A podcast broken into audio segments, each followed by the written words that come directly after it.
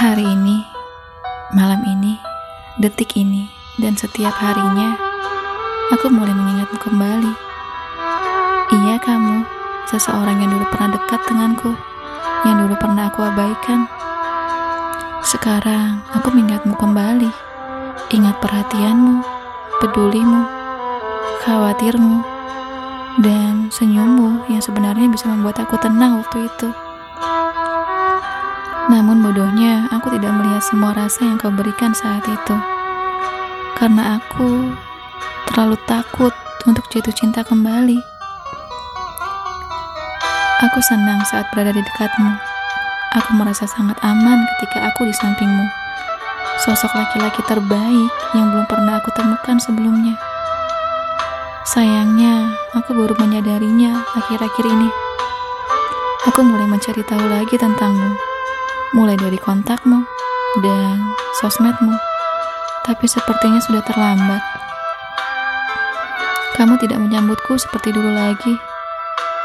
Mungkin kamu ingat ucapanku dulu saat kamu mengucapkan apa yang kamu rasa kepadaku ketika kita duduk berdua berhadapan di bawah tenda roti bakar saat itu. Kita deket aja dulu ya.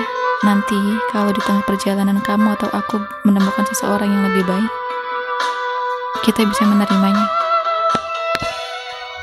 Itu jawabanku dulu kepadamu kan? Dan sekarang mungkin kamu sudah menemukan orang yang jauh lebih baik dariku. Aku bisa menerimanya. Hanya saja aku masih terus mengingatmu. Maafkan aku sudah terlambat mencintaimu. Jujur, sampai detik ini aku masih berdoa di setiap sujudku untuk bisa dipertemukan denganmu kembali jika waktu masih memungkinkan. Namun jika memang sudah benar-benar terlambat, ya sudah. Mungkin saatnya aku melupakanmu. Iya, kamu, sosok laki-laki yang dulu menjaga wanita yang dicintainya dengan sangat tulus.